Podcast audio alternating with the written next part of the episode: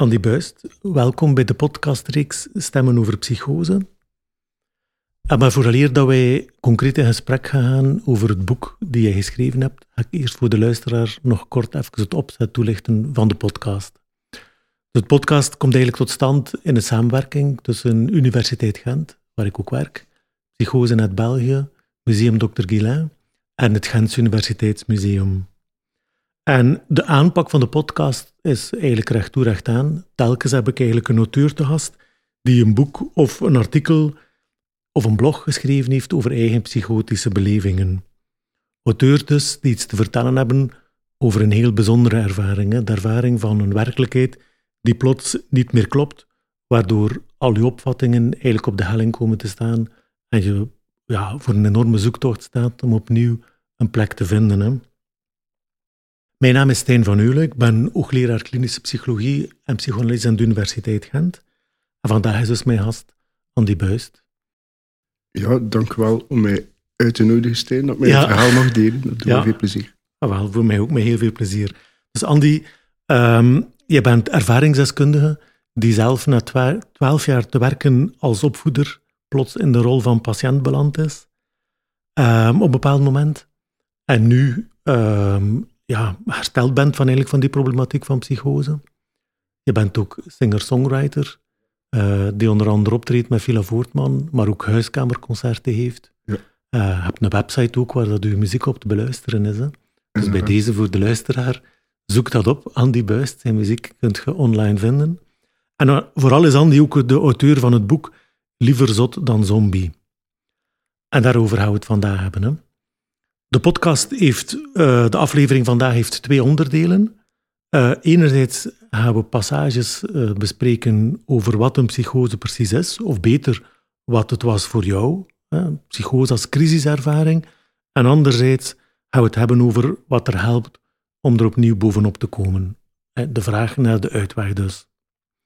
En in die context, Andy, heb ik u gevraagd om twee passages uit je boek te selecteren. Hè? Dus één met een focus op psychose. Inderdaad. En één met een focus op herstel. Ja, het uh, stukje uit het boek Terug naar af. De laatste dag van de retraite deden we een meditatie die de Magdalena-meditatie heette. Daarbij stel je je bij het mediteren voor dat er energie vanuit je heiligbeen naar je pijnappelklier stroomt. Het effect dat dit bij mij teweeg bracht was niet mis. De energie stroomde hevig, heel hevig. Ik was één brok energie en ik kwam in een soort roest terecht. De aanmaak van stofjes in mijn hersenen was duidelijk terug op gang gekomen. Ik had enorm intensieve ervaringen. Ik leek wel op een andere frequentie te functioneren. Ik hield mijn ervaring voor mezelf, uit angst om terug hetzelfde te moeten doormaken. Achteraf bekeken had ik dat eigenlijk beter niet gedaan. Misschien was er wel iemand bij de aanwezigen op die retraite die erin geslaagd zou zijn om me terug te laten aarden. Want geaard, dat was ik helemaal niet meer. Ik leek te leven op een andere planeet. Ik stond niet meer met mijn beide voeten op de grond. Dit werd duidelijk op de terugweg naar huis. Toen ik stond te wachten op de trein, had ik een enorm zenuwachtig gevoel. Alles zag er vreemd uit, als in een duistere film. Ik hoorde precies heel de tijd een bries in mijn oren blazen. Op de trein zelf zat een iets wat oudere dame in een bloemetjeskleed. Ze leek, me, ze leek me indringend aan te staren. Het leek alsof ze me wat wilde zeggen, het was alsof we telepathisch contact hadden, alleen begreep ik haar niet. Na de trein nam ik de bus. Ik kreeg het gevoel dat iedereen schrik had van mij. Mensen sloegen hun ogen neer als ik een richting uitkeek. De spanning die in de bus hing leek te snijden. We reden door het stadscentrum. Op dat ogenblik luidden de klokken net. Het klonk ontzettend luid in mijn oren. De gedachte bekroop me plots dat ik als doel had overleden zielen te helpen overgaan naar hun nieuwe realiteit. Bij mijn eindstation zou Dave me komen ophalen. Ik wachtte daar dus even. Ik keek wat rond en zag dat ik vlak naast een rouwcentrum stond. Ik keek door het raam en zag het doosprensje staan van mijn net overleden buurman. Ik voelde zijn aanwezigheid en had een soort gesprek met hem over loslaten en aanvaarden. Toen Dave aankwam, had hij iemand bij zich in de auto, een goede vriend van hem die het heel moeilijk had. Die vriend sloeg ineens heel hard op het dashboard van de auto. Hij schreeuwde en weende. Daarna hield hij zich terug rustiger. Dan werd het weer erger. We kwamen bij Dave aan en eens binnen begon hij opnieuw. Ik zat op een barkruk en werd heel onrustig door zijn gedrag. Ik begon heel wild met die barkruk heen en weer te wippen, tot ik bijna omviel. Die vriend vroeg mij om daarmee te stoppen, waarop ik antwoordde: Als jij eerst kalmeert. Dat deed hij gelukkig ook. Er keerde een relatieve rust terug en we kwamen tot een gesprek. Die vriend had het moeilijk omdat zijn vader op een vreselijke dag zelfmoord had gepleegd. En nu zou hij zelf vader worden. Zijn vriendin was zwanger. Ik kreeg de indruk dat hij hetzelfde van plan was als zijn vader. Ik nam mijn gitaar en speelde een liedje voor hem over doodgaan. Oké. Okay. Heftige passage die je voorgelezen hebt. Dat was ook een heftig moment, ja. Ja. Wel, wat, wat dat er mij opviel, maar misschien moet je daar een beetje meer over vertellen. Hè? Dus wanneer dat jij zo schrijft, uh, ja, ik denk dat hier een passage is die je voorgelezen hebt, over het ontstaan van psychotische ervaringen. Hè? Over dat dat eigenlijk ja, geleidelijk aan binnengekomen is. Hè? Ja. Waarbij dat mij wel opviel dat, dat je dat eerst beschrijft als, bij dat mediteren, als een soort roes. Ja, alsof dat het een lichamelijk iets is die, die je eerst gevoeld hebt. Ja, dat, dat, ik heb dat echt voelen, voelen gebeuren. Ehm, sommige mensen spreken van kundalini uh, of zo. Eh, ik, ik, denk dat er zoiets vergelijk, vergelijkbaar, dat ging echt van door mijn ruggengraat omhoog en plots in mijn hoofd, bam. Uh, te vergelijken met, een, een, trip, een soort, een soort opwekkende drugs, maar zonder drugs. De, ook mijn ogen stonden ongelooflijk uh, groot, met mijn pupillen. Ja. Uh, ik, ik had bijna niet meer. Geen, geen behoefte aan slaap.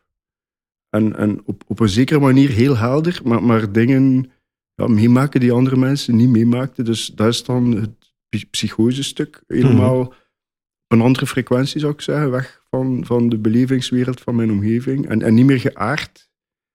Echt letterlijk eh, met mijn hoofd ergens anders. En, en alle voeling met, met de aarde en de mensen rondom mij op aarde was weg. Ik zat met mijn hoofd in de wolken of verder. Mm Als je het zo beschrijft, dan lijkt het mij alsof dat je hyperalert was. Zo, gezegd van mijn ogen stonden open was een spanning, alsof dat de, de hyperalerte aanwezigheid ten aanzien van alle prikkels rondom u. Zo, uh... Eigenlijk wel. En die kwamen ook ongefilterd binnen. En, en dingen die, ja, die andere mensen niet binnenkregen. Uh, bijvoorbeeld mijn idee toen van dat ik met overledenen contact had.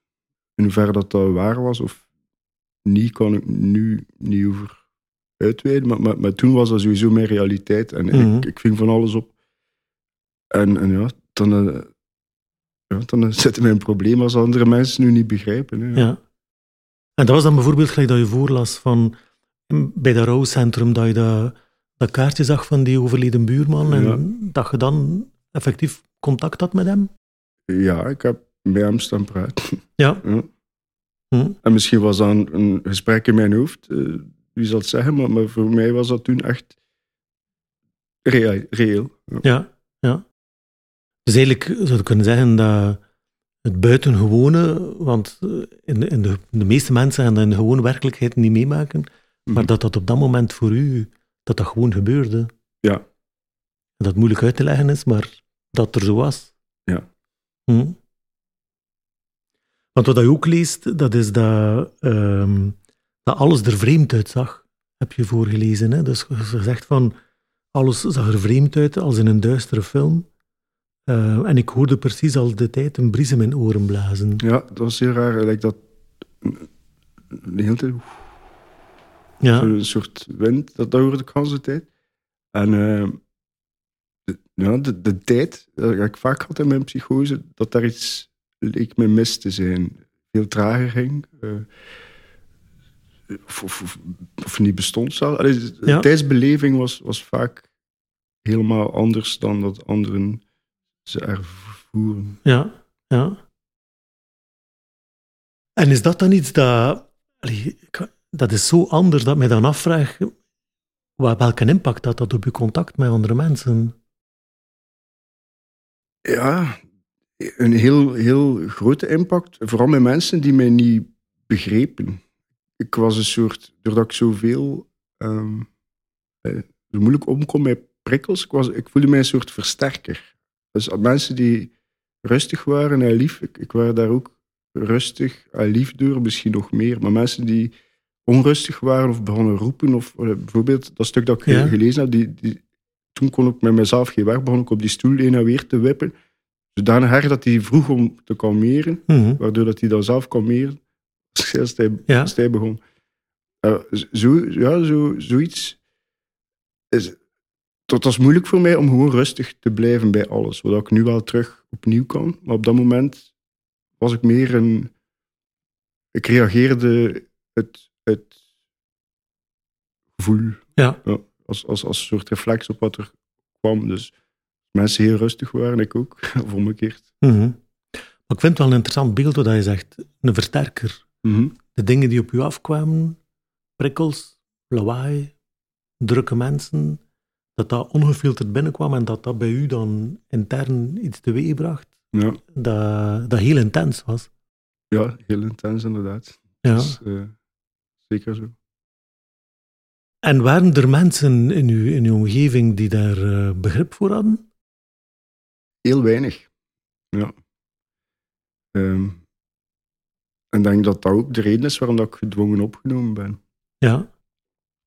Ik denk als je zoiets doet. like, ik, heb, daar ergens ben ik daar op een manier zelf naar op zoek gegaan, naar- naar, naar bewustzijnsverruiming. Daarom die retreat ook? De Maria Magdalena meditatie ehm, was, was deel van een retraite, wat, wat ik Qi- Qigong aan, aan het beoefenen was. Eh, Qigong is die bewegingskunst, hè? ja, de Chinese bewegingskunst. ja, hè? werken met Qi, levenskracht, en, Ja. en eh, daar uw, uw eigen levenskracht mee, mee verversen. Mhm. Qi is die levenskracht en Gong is, is werken ermee. ja. En daarnaast was ik ook heel veel bezig met Wim Hof, de, die Iceman, die, de ademhalingsoefeningen aan het doen. eh, en, en heel lang mijn, ja, heel veel zuurstof inademen en dan heel lang mijn adem inhouden. En ik had daar redelijk mee overdreven. Ik, ik wou per se mijn, mijn derde oog openen, maar zonder eigenlijk goed te weten wat ik daarmee wou doen. Maar Mhm. ineens ja, is er mij iets overkomen dat ik denk dat ik ergens misschien zelf heb gezocht. Ehm, maar, maar als je zoiets, met, zoiets doet, doe je dat dan beter in een klooster of, of met mensen eh, in een afgeschermde buurt eh, die echt goed weten waar je mee bezig bent. Ik deed dat helemaal alleen. En plots op zo'n moment van, hoe zou ik het zeggen? Een verlichting kan ik het misschien noemen in, in bepaalde Mhm. kringen, maar, maar ja, in mijn omgeving was het zot worden, dus... eh, Mhm. je moet goed weten waar dat zoiets kan en waar niet. Mhm. En ik zat niet in de goede omgeving om dat te doen. Maar ook zelfs blijf, blijf gewoon gaan werken tijdens dat ik met al die dingen bezig was. En dat ging op een, op een zekere hoogte. Maar ik bleef altijd maar raarder doen, blijkbaar. Ja. Ja. Je zegt blijkbaar, hebben ze dat zelf zo ervaren? Of is dat vooral voor anderen, voor anderen zo geweest en hebben anderen u dat verteld dat je zo raar deed? Ik was mij wel bewust van wat ik deed, dat dat niet echt normaal was. Dus dagelijks koude douchen in de, in de winter. eh, in mijn bloed bovenlijf buiten lopen, eh, terwijl dat voor. Ehm, dus echt normaal kun je dat niet noemen. Maar, maar ik heb er ook, denk ik, niemand kwaad mee gedaan. Ik, ik heb nooit agressieve of, of gewelddadige daden gesteld naar andere mensen. Maar ik kan me inbeelden dat sommige mensen mij wel raar vonden met wat ik mee bezig was. Ja. En dan, dan, dan een, allez, zijn de gedwongen eh, opgenomen, zegt je. Ja, ik ben gedwongen opgenomen. Ik woon eigenlijk heel dicht bij mijn ouders. En die maakten zich zorgen. Hè. Mhm. Dat natuurlijk terecht is. Ik ben ook niemand kwaad. Ja, ouders zijn bezorgd. Mhm. Eh, maar op een andere plaats was dat misschien niet gebeurd met mensen die minder bezorgd waren. Ja, ja. Maar klopt het dan dat bij u die psychotische ervaringen vooral allez, geweest zijn, zoals je hier nu beschreven hebt in die passage, zo heel intense ervaringen van openbaringen in uw lichaam, dingen voelen en dan in je omgeving volledig anders beginnen aanvoelen en dan eigenlijk ja, u zo beginnen gedragen dat dat wel in het verlengde was wat hij meemaakte, maar dat dat voor je omgeving vreemd werd. Ja, en, en aarden, dus ik was vergeten aarden. Nou, dat is passage dat erin Ja. staat. En dat is een heel belangrijke. Dat is iets wat ik nu dagelijks doe. Echt letterlijk. Bij aarde, mijn lichaam voelen, contact met de aarde voelen, met de mensen rondom mij in verbinding blijven. Toen begon ik altijd maar meer in mijn hoofd te zitten en, en een beetje ja, te weinig bij anderen praten. En, Mhm. en ook de reacties van anderen eigenlijk in de wind slaan en mijn, mijn ding doen. Mij- Op mijn eiland zat ik een beetje in die psychose. Ja. Waardoor dat ik waarschijnlijk ook door anderen vreemd werd gevonden. Eh, nu kan ik ook nog momenten hebben dat, dat ik rare dingen zie of hoor of voel. Maar, maar ik zie dat dan eerder als een radio of een tv die speelt. En ik hoef Mhm. daar niet per se veel aandacht aan te geven. En ik, ik stem af bij mijn omgeving wat zij ook vinden of voelen daarover. Of, of, of ze ook zoiets merken. Hm? Maar in verbinding blijven met, met de omgeving. En hoe weten dat ik hier, hier en nu op aarde, bij mijn zintuigen, met mijn lichaam, dit doe. En, en ook niet met mijn hoofd hoog in de wolken moet zitten. Want als, als ik dat lichaam verlaat, zal ik daar waarschijnlijk toch ooit terechtkomen. Ja. Dus eigenlijk een strategie van uw verbondenheid echt. Uw verbondenheid met de aarde, uw verbondenheid met de natuur, uw verbondenheid met andere mensen. Dat ex- expliciet opzoekt, zodat u weet van, dat houdt mij in mijn evenwicht. Ja, wat dat ook heel belangrijk is als je samenleeft met mensen in de samenleving, dat, dat, het, ja, dat er een samen is en dat het niet gewoon een, een losgeslagen deeltje in, Mhm. in die samenleving. Mhm. Ja. Ik ga ook nu ook een passage inbrengen, Andy. Ehm, en ja, toen ik uw boek las, toen was ik wel heel getroffen door ehm, ja, hoe dat er toch echt wel een zware mismatch geweest is tussen wat dat uw noden waren op dat moment en hoe dat je bejegend geweest bent in de psychiatrie.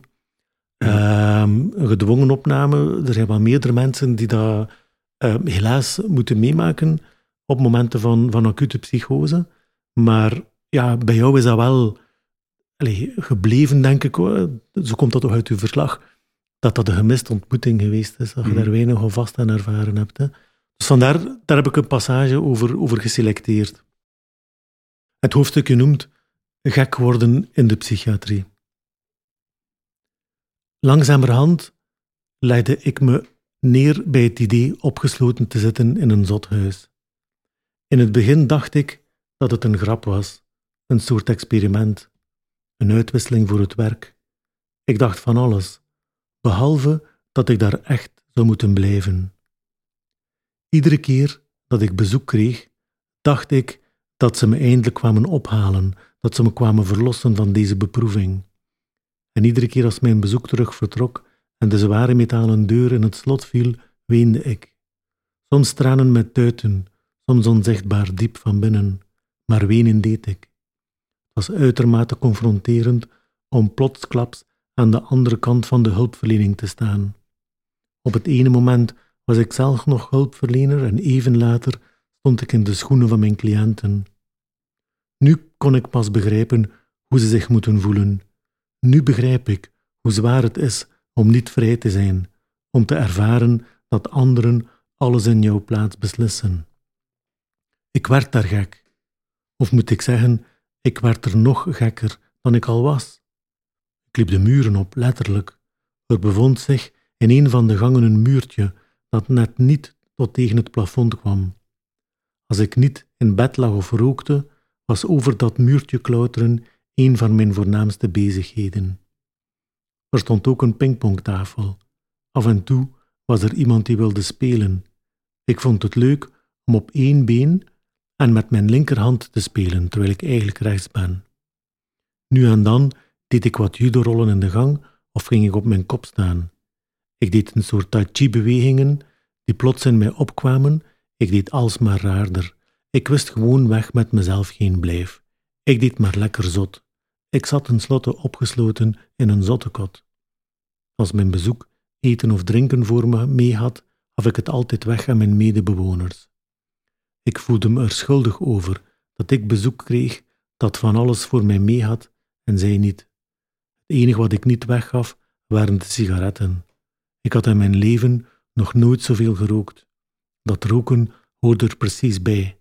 Het was de mist die al mijn wazige herinneringen aan elkaar reeg. Voilà, dat was de passage die ik geselecteerd heb. Ehm, en waarom? ja, ehm, ja om, omdat ik daar vind dat er zo heel veel eenzaamheid uit, uitspreekt en zo, net zo weinig verbondenheid misschien om door te gaan op ons thema van daarnet. Ja, ja, ja. Toen eh, voelde ik helemaal geen verbondenheid. Dat, dat klopt. Ja. Dat, ja, dat was na gedwongen opname. Uh, tijdens eigenlijk. Uh, die momenten, ja, nee, toen, toen was ik eigenlijk alle, alle, vertrouwen in, in de medemens kwijt. En ook in mezelf. En ik dacht, ja, ik zit hier nu in het zothuis, dus ik kan maar zot doen, like dat er ook staat. Ik, ik, dus ze zijn ook zot ben, wat ik ik het doen. Ja. zot dat kan doen. Uh, en ook, uh, als, als je een, een versterker bent, of je zo voelt, mm -hmm. en zitten allemaal mensen in een crisissituatie, dan versterkt, uh, wordt dat ook versterkt. De, zo, denk, denk, ja. En uw ontmoetingen met, met hulpverleners, zijn er daar geen geweest die u bij wijze van spreken allez, stimuleren op dat moment om de andere spoor wat op te gaan?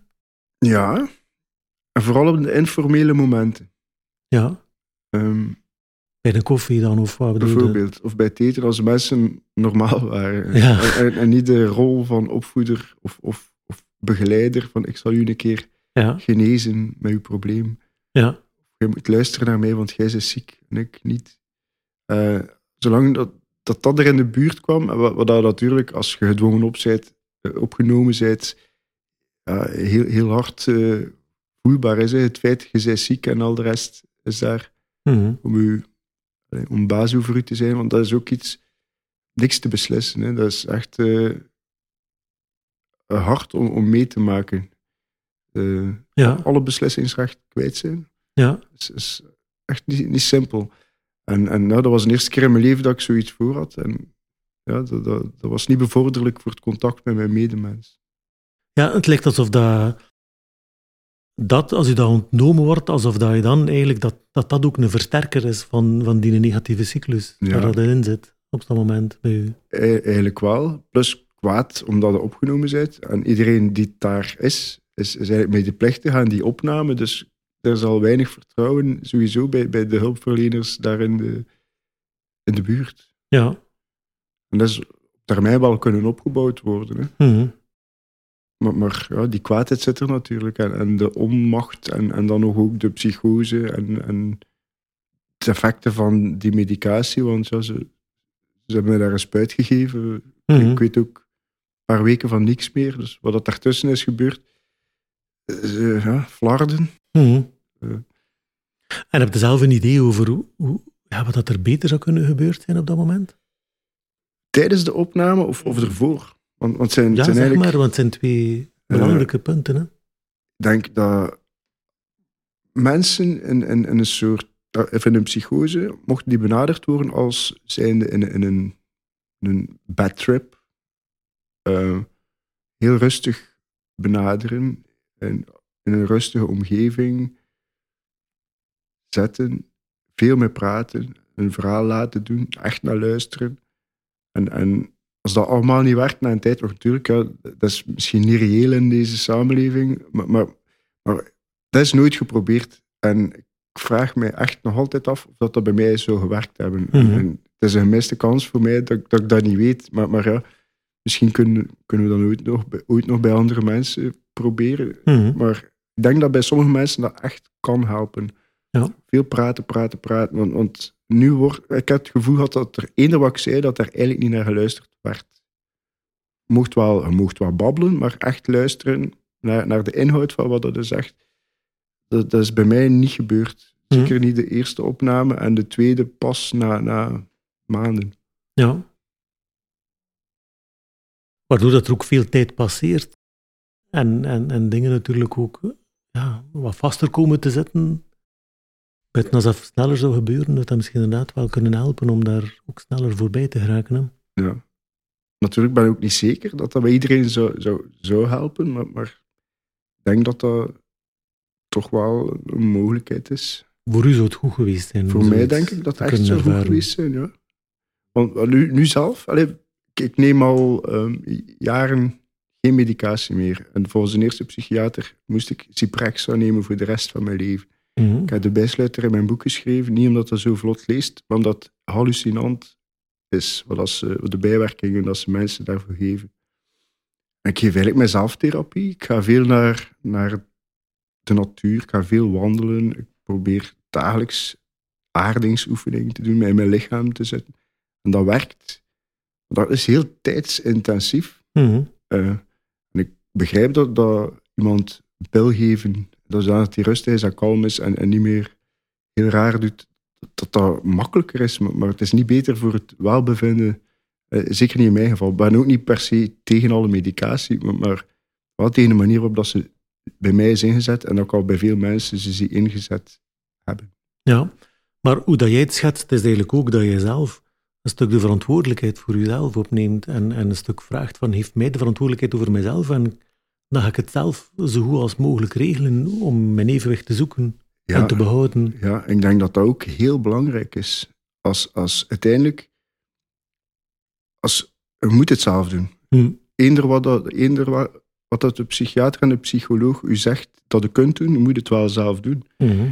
En, en de hulpverlening maakt mensen soms, denk ik, afhankelijk van de hulpverlening. Van, jij bent ziek en wij zullen u helpen. En in zo- zo'n slachtofferrol, waar dat, dat er vaak geen uitweg meer uit is, geen perspectief meer uit is. En ik heb niet willen luisteren. Ik heb mijzelf dat perspectief eigenlijk geboden. Maar, maar het van eerste psychiater afhangen was ik nog altijd waarschijnlijk in, in de instelling. Mhm.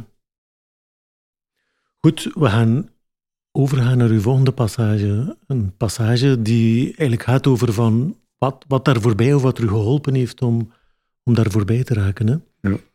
Hebt een aantal dingen benoemd, maar kijk, lees gerust voor uw volgende passage. Die, eh,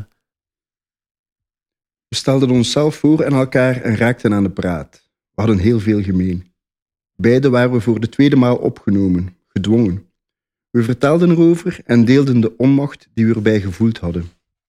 We hadden het over het euforische gevoel van een psychose. Over de dingen die je op zo'n moment waarneemt, die de andere mensen niet kunnen zien. En het onbegrip dat daarmee gepaard gaat. Ook over de pijn dat het doet als de mensen rondom jou je niet begrijpen als ze het toedienen van medicatie om je lam te leggen als enige oplossing zien. We praten een heel lange tijd, tot het moment daar was voor mij om naar bed te gaan. We namen afscheid en ik ging naar mijn kamer. Wat een bijzonder gevoel had ik. Ik was iemand tegengekomen die me werkelijk begreep. Een lotgenoot, met zowat, zo, met zowat dezelfde ervaringen die ik had gehad. De volgende ochtend was ze nergens meer te bespeuren. Toen ik navroeg waar ze heen was, kreeg ik te horen dat het niet zo goed met haar ging. Ze was terug naar de crisisafdeling gebracht. Dat deed zeer. Ik zat enorm in met haar. Hopelijk zou het snel in orde komen met ons en goed komen met iedereen die daar zat. Dat was mijn diepste wens.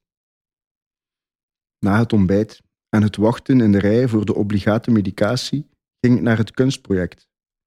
Ik werd er hartelijk begroet door de vrouwen die de boel daar organiseerden. Daarna werd ik uitgenodigd om mee te koken. Aan de geïmproviseerde buitenkeuken prepareerden we de verse groenten. Er werd overheerlijke Zuiderse gerechten op de versierde tafel getoverd. Er kwamen patiënten, bezoekers en artiesten mee eten. De gesprekken die er intussen gevoerd werden, waren heel diep. Er werd gepraat over gevoelens, over de zin en de onzin van opsluiting en medicatie. Er werd ook heel veel gelachen. Niets moest, alles mocht, zolang er maar respect was voor de anderen. Het was een plekje waar iedereen zichzelf mocht zijn en waar alle aanwezigen uitgenodigd werden om mee te doen. Eigenlijk om mee te zijn. Niets doen was ook goed. Verder mochten alle gedachten en gevoelens er vrij uitgedrukt worden. Verbaal, muzikaal, dansen, tekenend, gewoon zijn. En creëren, in het moment. Wat deed dat deugd? Die kunstenaars daar hebben mijn ogen teruggeopend. Dankzij hun levenskunst herontdekte ik hoe het kon voelen om begrepen te worden, om samen met anderen te genieten van het moment.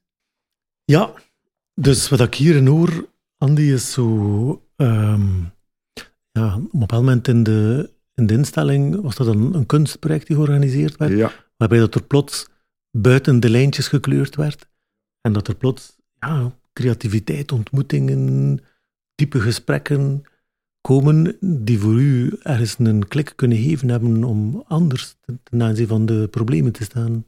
Ja, zeker en vast. Dat, dat heeft daar... Ehm, dus het was een kunstproject, uh, Don't Eat the Microphone.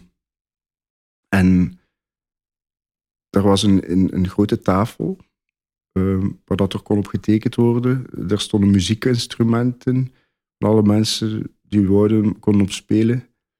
Uh, er lagen microfoons die alle gesprekken opnamen, maar zo psychedelisch vervormden. Er lag verkleedkledij, schminkkledij, pruiken. Uh, en, en door dat, ja, zou maar zeggen, psychedelisch sfeertje erin, uh, mensen kwamen daar naartoe om, om de kunst te bezoeken. De kunstenaars kwamen naartoe en ook de, de psychiatrische patiënten kwamen daar naartoe. Doordat iedereen daar zo bij liep in dat sfeerke, was, was de grens helemaal vervaagd van mhm. wie is hier kunstenaar, wie is uh, begeleider, wie, wie is patiënt, wie is bezoeker. En, en iedereen was daar gelijk en deed mee in, in die sfeer, waardoor dat ik terug mij gewoon voel, zoals de anderen voelde, niet, niet raarder dan, mhm. dan de andere mensen. En mee opgenomen in dat project. Ja. En, en daar heb ik toen terug bij mijn waakvlammetje, uh, wist ik dat het nog brandde. Maar het lijkt inderdaad op dat op dat moment dat er wordt erkend in het feit van, hij zei, een belangrijk stuk van nu is het feit dat je creërend, creatief zijt, verbonden zijt met anderen. En dat kwam naar voren. En niet de vraag van, wat is uw probleem? Ja. Maar eerder van, wat laat er uw mens zijn en wat zorgt er voor uw verbondenheid? Ja, ja inderdaad. En gewoon uh, ja, de gesprekken daar en het gewoon mogen zijn en, en, en niks moeten, maar, maar veel mogen helpen en, en samen gewoon de dag beleven. En het aanvaard voelen ook. De, de gesprekken waren daar ja, diep, maar, maar, maar wederzijds. Niet mhm. van vertel eens je probleem, maar, maar, maar gewoon echt praten met elkaar, luisteren en antwoorden. Zo, ja. Niet, geen inrichtingsverkeer, waarbij nee, dat er een duidelijke scheiding is van ja. dat is de professional en dat is de mens die hulp komt zoeken. En ja. Het is die scheiding die wat doorbroken wordt natuurlijk in zo'n initiatief, ja. gelijk dat je schetst. Hè? Inderdaad. Ja, en ook het gevoel dat iedereen daar op, op, de, op dezelfde uh, lijn stond. Allee, ik bedoel, als, als niet in een hiërarchische vorm, maar, maar iedereen was, was mens en deelnemer van het project. En voor de rest, uh, zolang dat er respect was voor elkaar, waren er geen, waren er geen bazen of, of, of geen patiënten. Iedereen mocht van alles mhm. doen, als het maar oké was. Uh, maar dat was eigenlijk een beetje een toevalstreffer dan voor u, om, om mee te maken dat dat net op dat moment georganiseerd werd. Super, ja. ja. Ik heb veel geluk gehad dat ik op dat moment daar was. Of dat zij daar op dat moment waren als ik daar was. Ja, dat heeft mij heel, heel goed geholpen. Ik ben er nog altijd dankbaar voor. Maar zou je daar dan impliciet kunnen in horen dat je eigenlijk een pleitbezorger bent tot de psychiatrie? Vooral ook een plek moet zijn waar er heel veel creatieve activiteiten kunnen gebeuren, dat er heel veel circulatie is. Met mogelijke ja, dingen zoals dit hier, een kunstproject of een sportproject of een natuurproject. En, maar die vooral zorgen voor beweging en voor, voor mogelijkheid tot contacten. Ja, zeker en vast. Ik kan er alleen maar voor pleiten, ja. En nu gebeurt er ook al het een en ander um, van therapie en zo. Dat is dan veel minder vrij. Uh, dat, was het grote verschil. Het was een, een, open, een open ding, waar daar ook, ook bezoekers van, al, van, van, van, buitenaf kwamen. En, en ja, het gevoel dat, dat, dat je iets mee kon creëren. En, en als je dat met, met een begeleider in, in een kotje hebt, ja, Is, is dat een, een, ander, een heel ander gevoel. Het is zo dat projectmatige natuurlijk ook hier. Hè. Het is tijdelijk, het is projectmatig. Niemand wordt vastgeroest, raakt vastgeroest in zijn rollen. Ja. Uh, we gaan, ook, ook de mensen, die kunstenaars, worden ergens uit hun comfortzone gehaald van de gewone rol die ze vervullen. En, ja. en op dat punt kan er een ontmoeting ontstaan. Mm. Ja, ik heb inderdaad veel, veel geluk gehad dat, dat, ik daar was op dat moment, maar ik weet niet of er veel van zulke projecten zijn.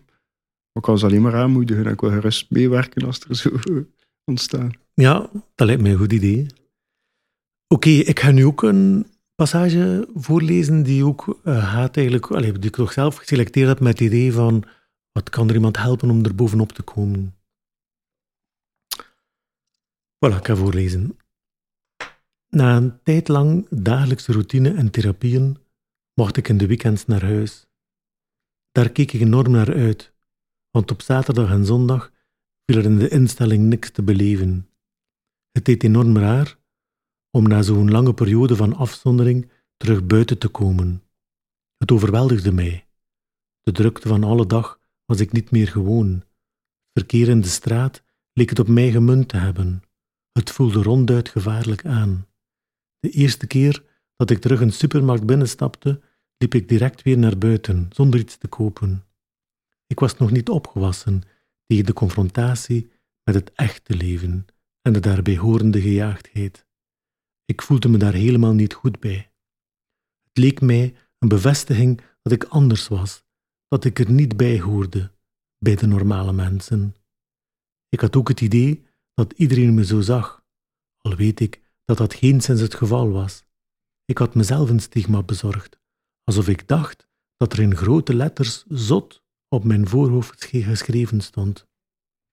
Gelukkig bevestigden de mensen in mijn omgeving dat negatieve beeld van mezelf niet. Mijn vrienden kwamen langs om samen met mij muziek te maken. Mijn vrienden zijn gouden mensen, want ze zijn me blijven steunen. Dat moet helemaal niet simpel geweest zijn voor hen. Op de momenten dat ze daar waren voor mij, was ik zelf nog één grote brok negativiteit. Ik zag alles somber in en kon nergens van genieten. Ik speelde wel mee met de muziek, maar ik voelde ze niet. Ik was lijfelijk wel aanwezig, maar ik was er niet bij.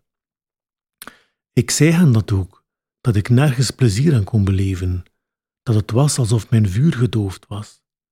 Toch zijn ze blijven komen. Ze speelden muziek met mij en praten op me in. Ze hebben mij niet opgegeven of in de steek gelaten. Dat is het kostbaarste wat er is: vrienden. Mensen die er voor elkaar zijn, in voor- en tegenspoed. Dat zijn mensen van onschatbare waarde, onbetaalbaar, maar al te vaak ondergewaardeerd. Geen therapie of behandeling kan daar tegenop. Ik heb die passage um, uit het boek geselecteerd omdat, ja, omdat het natuurlijk een heel sterk pleidooi is van um, mensen in de omgeving, hoe belangrijk dat het is dat die aanwezig blijven, ook al heb je het heel moeilijk of net dan, als je het heel moeilijk hebt, um, dat die er zijn en met u blijven in u geloven en contact hebben, dat dat het enorm belangrijk geweest is voor u om er ook bovenop te komen. Ja, dat is echt zo. Op een bepaald moment heb ik dat zelf niet gezien, omdat ik zo negatief was. En, en afgevlakt ook. Geen, geen, geen toekomstperspectief meer had voor, voor mijzelf op dat moment. Maar die mensen hebben inderdaad blijven ja, er gewoon zijn. Mhm. En dat heeft heel veel gedaan. Ja, ik ben er daar heel dankbaar voor. En, en nu zie ik het daar, maar ja, op zo'n momenten ja, hebben zij dat toch maar gedaan, terwijl dat ze van mij meer tegenwind dan meewerking kregen. Mhm. Ja. Verbinding is, is ja, super belangrijk. En, en, mogen en kunnen praten en, u, en uzelf zijn. Ja. Maar het lijkt zo op het punt dat hij uw verbondenheid een stuk verloren was met iedereen rondom u. Zij zijn u blijven beschouwen als de vriend. Hè? Ja. Blijven in die rol zien ook van, hij is onze maat, hij is onze vriend, wij blijven met u contact. We gaan samen muziek spelen en dat dan geleidelijk aan voor u gedacht is ook van, wow, dit is inderdaad wat het er voor een, voor een band kan zorgen weer. En dat is ook zo, ja. Ik ben, ja we spelen nog altijd samen muziek. Mhm. En nu kan ik er terug van genieten. Ja, En, en ja, daarom ook dat, dat, ik, dat ik ze expliciet in het boek vermeld heb. Omdat ze zo... Ja, ik ze echt zo dankbaar ben. Het is ook eh, om te kunnen aarden en, en, en in verbinding te staan met de mensen rondom u. Heb je natuurlijk mensen rondom u nodig die Mhm. in verbinding willen staan met u. En dat zijn dan ja, de onmisbare vrienden. ja. Oké, Andy, we gaan hier afsluiten voor- vandaag met ons gesprek. Rest mij nog om u te bedanken ehm, voor twee dingen. Hè. Enerzijds om hier te zijn voor ons gesprek vandaag, maar in alle geval ook om, om dit boek te schrijven. Hè. Ik denk dat dat een enorm inspirerend boek is voor mensen die zelf uh, te maken hebben of te maken gehad hebben met een psychotische problematiek of mensen die daar geïnteresseerd in zijn, die daar meer willen over weten, raad ik ten zeerste aan om dat te lezen. Dank u, dat is mij veel plezier geschreven. En merci dat ik hier mocht zijn om mijn verhaal te delen. En super wat je doet.